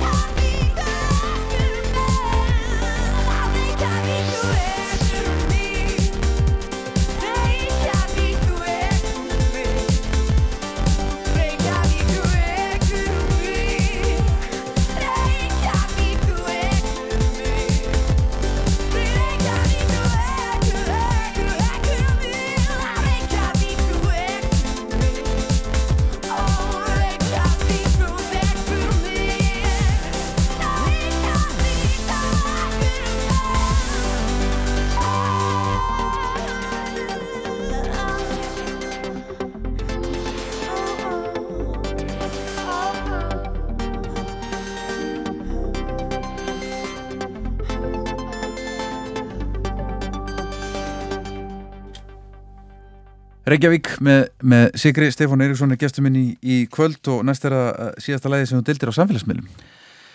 Já, ég hef eh, eh, kannski minna í setjum tíður að deila lögum á samfélagsmiðlum. Það hérna, eh, var smá titringur að því þegar ég gerði það fyrir einhverjum árum síðan nú við. Nú þarf það, var það Já, ég hérna þegar ég hætti í, í löggunni þá hérna deildi ég skemmtilegu bílalagi á Já, Abbey Road. alveg rétt. Og það var lagt út af því með ymsum hætti. Já, það var bara hvaða lag var það aftur? það var uh, She Came In Through the Bathroom Window. Já. og uh, það er þessi ágæta lína. Uh, and so I quit the police department and got myself a steady job. Og það var nú svona einu, einu skilabóðin sem ég ætlaði að senda út í kosmósið að, að hérna En það var hægt að tólka þetta á aðra það var, e, þetta var opið til a- annarar tólkunar á þess að það hafi e, verið endilega hugmyndin en, en hérna síðan þá hef ég svona e, deilt lítið á lögum á Twitter eftir, eftir þetta En gast ekki séð þetta fyrir? e, við skulum bara hérna segja pass við þessari góðu spurninguðinni Mm. hvað hægt var að sjá fyrir í, í, í þessum efnum en, en hérna e, ég var bara að deila þarna skemmtilegu og góðu bílalagi sem að hérna er, er á minni uppáhaldsplötu þannig að það var ekkit óeðlilegt við þetta eða, eða annað. Segi gamli pönkarinn. Já, já En það er ekki lagi sem að Nei, nei. um, umræðir næst. Ég veist aðeins að skróla niður Facebookina hjá mig til þess að finna hvaða lag það var sem ég deildi síðast. Og þá var ég að deila e, minningu e, af lagi sem ég hefði sjálfur tekið upp og sett á Facebook. Já. e, því að við fórum hjónin á tónleika með Adele Já, e, það langar mig að gera Já, ég mæli með því Já. því að hérna, ég gaf henni fyrst í fyrir nokkrum árum í jólagjöf e, ferð til Belfast Já. á fyrstu tónleika í tónleikaröðinni sem hún tók núna það voru endur ekki fyrstu tónleikarnir það voru tónleikar nummið tvö í Belfast e, og síðan kefti ég miða á tónleikar nummið tvö af fjórum sem við áttu að vera á Vembli Mhm. og við skelltum okkur þar og, og nutum þess að horfa á hann að syngja þar með 100.000 öðrum eh, á þessum leikvangi og, og vöknuðu síðan upp við það morgunin eftir að hún hefði aflýst tónleikum 3 og 4 sem komið þar á eftir. Já. mjög margir sem eruðu ansið sorgmætir við akkurat það. En við sáum sem sagt fyrstu tónleikana í þessum túr og lokuðum síðan sjóinu með henni á, á Vembley líka. Wow. og hérna og síðan hefur hún ekki sungið. Nei, nákvæmlega en þetta var það síðasta sem ég deildi á samfélagsmiðlu, það var Adele. Já, Make You Feel My Love, þetta Dylan lag. Já. Ótrúlega, sem hún gerir óafinnilega Algjörlega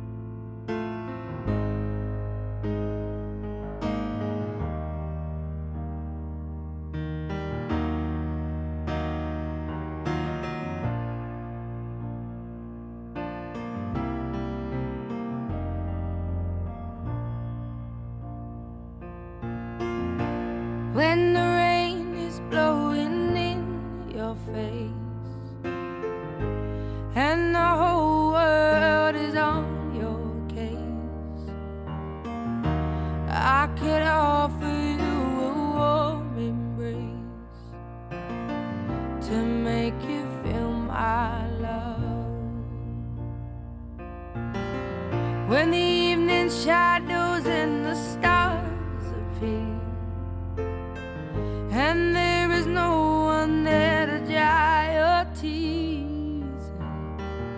I could hold you for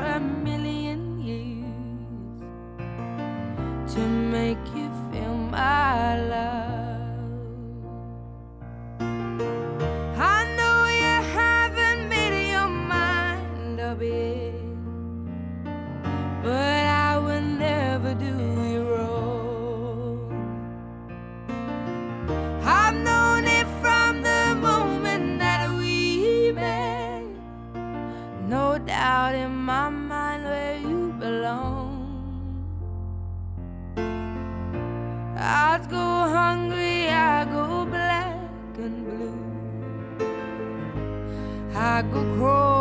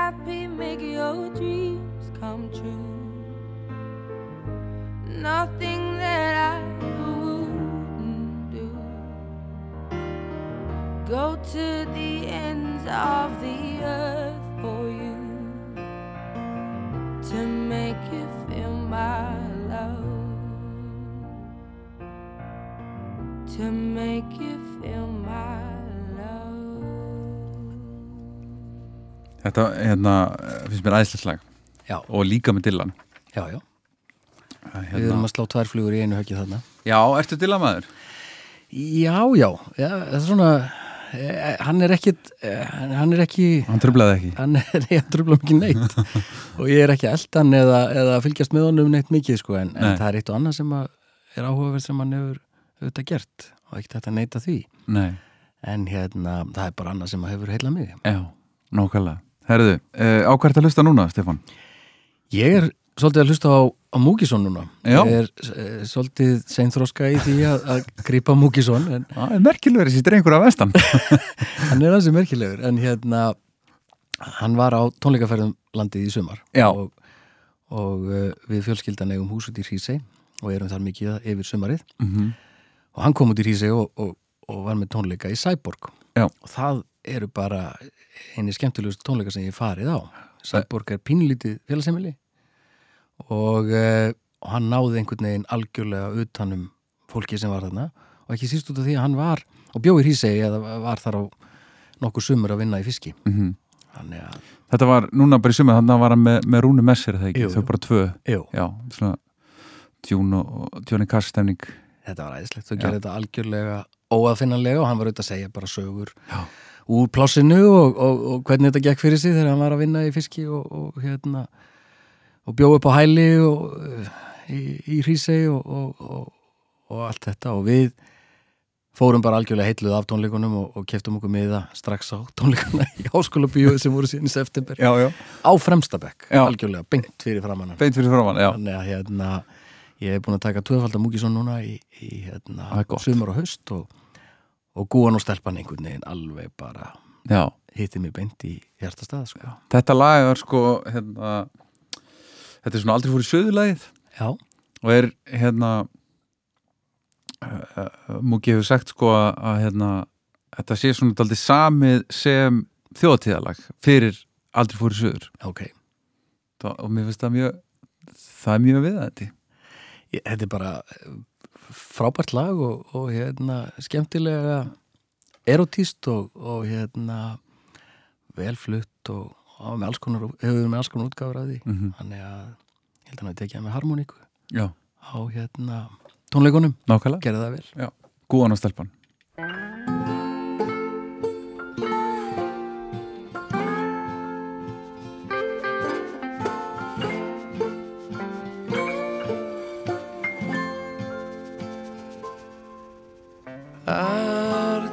Fekk ég það fyrst. Þarna fekk ég þig kyrst Hingað kem ég er heimurinn frís Aldrei faðma aðra einstí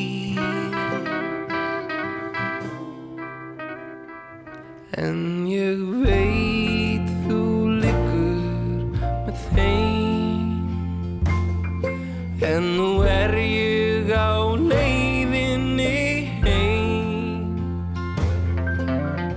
Til þess að fara í brjálað Með þér og þessum ruggluðu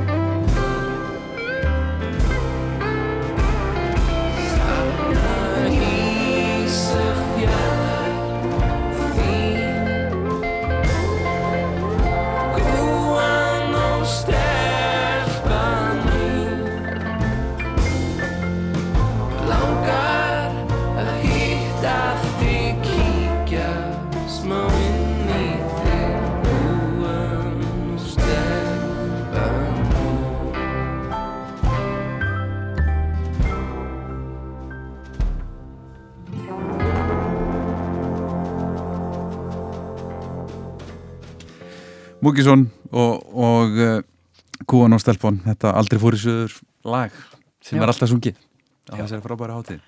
Ég þarf að drífa mig á aldrei fór í suður. Já, sem að eh, er náttúrulega tónlistráti sem á ekki gangu upp. Nei. En hefur gert það núna í 15-16 ár? Ókipist tónlistrátíð í yðnaðar húsnæði, húsnæði á, á Ísafriða sem engi fæði borgað og kostar ekkert inn. Þetta um páskana. Þetta ljóma vel. Ég, ég, Kannski fær bara hljómsveitin fyrirbæri búðum að koma og spila og aldrei fór í suður. Já. Geti verið með kompakt þar aftur. Múkisson, Kristján? Ef þið eru að hlusta. Það er komið bóð Herðu, uh, síðustu tónleikar. Já, ég fór í salin í Kópói og hlustaði þar á Hildi Völu og Valdimar og Jón Ólafsson og, og frábæra spilara með þeim. Mhm. flytja spilverkslögin. Já, þarna vildi ég vera en komst ekki. Já, þar varstu óheppin Já. og uh, en ég fæ annað tækifæri. Ég held að séu konir aðri tónleikar í, í februar Já. og uh, ég mun örgulega koma með það þá. Já. ég uh, minnst Hildur var frábær Valdimar Magnaður Jón Ólafsson er í miklu uppávaldi hjá mér. Uh, og spilverkið sumulegis Mhm. það er bara eitt af því sem að mér finnst skemmtilegast að hlusta á Megas og spilverkið. Já. og ekki síst eru koma saman á bleikum náttkjólum. Já, á, það er frábæð blanda Það er ekki ekki plata. Þannig að það var algjör draumasending að fá e, þessa tónleika. E, og ég naut þessi botn að horfa á þetta og þau voru þannig í salnum. Dittu og Egil og Já, það? Já, já. Og bjólan líka? Nei, hann hef ekki komið. Það efa ég. Já, hann kom ekki. En þeim var öllum bóðið Já. Sagði Jón á, sviðinu. En baðu vinsanlegast um að leiðrétta ekki sögurnar hans sem hann sagði þarna fyrir bara eftir á. En þetta var ótrúlega skemmtilegir og velhefnaði tónleikar og Já. þyrftu að endur, að taka það. Ég hringdi í Jón sko Já, þegar ég ok. var að taka lögin til Ok. og spurði hann hvort að þetta hefði verið hljóðritað. Og, og ef svo væri hvort ég mætti þá fá þessu upptöku svo ég getur spilað hana, það hefði verið flott. Hann sagði nei, ég tók þetta ekki upp. Ah. en hann sagðist að það var síða eftir því. Og það skil ég vel Já. að ekki tekið þetta upp. En svo hann við mig sem að ég svo sem vissi þetta, þessi upptaka er á fyrstu blötunum hildabölu. Já, og uh, þar uh, tekur hún þetta lag, húsin mjagast upp alveg einstaklega vel. Já. eins og hún bara gerir, hún er alveg hreint mögnusönguna og þyrfti að syngja svo miklu miklu meira. Já, heyr, heyr, heyrðu það hildur? Húsin mjagast upp hildur vala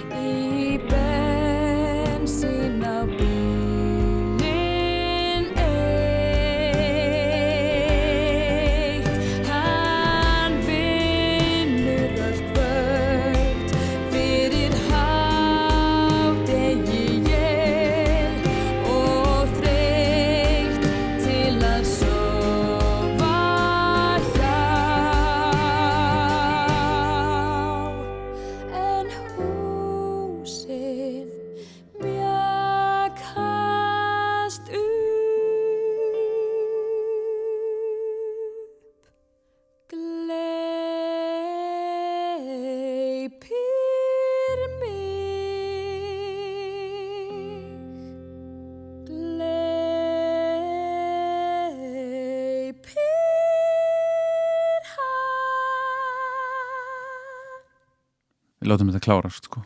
Sjálfsögðu. Sjálfsögðu. Herri Stefán Eiríksson, við erum komnir að síðasta læginu. Já. Takk kjærlega fyrir að koma og vera gestur minni, það var heiður. Ég er bara takk kærlega fyrir að bjóða mér. Já. Ég er aðdáðandi þessara þátta og, og finnst það mikill heiður að, að fá að verið, að fá fengið þetta bóð og, Mhm. og, og fá að labba í gegnum þessi lög með þér. Mm Það var mjög gáðan, alls konar músík, mjög, hérna, þú hlustar greinilega mikið Já. og á, á allt einhvern veginn og ekkert. Já, ég er uh, svona, ef maður rennir yfir þennan lista, þá er ég auðvitað ekki kannski mikið í nútímanum, en, en hérna, það kemur. Mhm. eh, sem sagt, nútímin í dag, ég verið búin að uppgöta hann eftir svona tíu ár með að við, að við hraðan hjá mér, en uh, e, já, ég held ég hafi breiðan og, og, og hérna, skemmtilegan tónlistasmekk. Það eru reyndar ekki allir sem eru sammála um það því að ég stundu þegar ég teka yfir hérna lagalistan í fjölskyldu samkvæmum þá, þá fellur það ekki kramið hjá öllum en, en það er bara eins og gengur Það er ekki hægt að gera öllum til geðs. Nei, það er rétt. Herru, síðasta lægið er bara, ég er að fara lægið. Já e, Þetta er fallet lag og, og, og tengist líka e, einu mínu helsta áhugamáli sem Já. er Hólavallakirkjugarðu við Suðugutum Já. Ég kem þangað mjög oft og hef labbað með hans í marga hópa í gegnum þennan garð Já.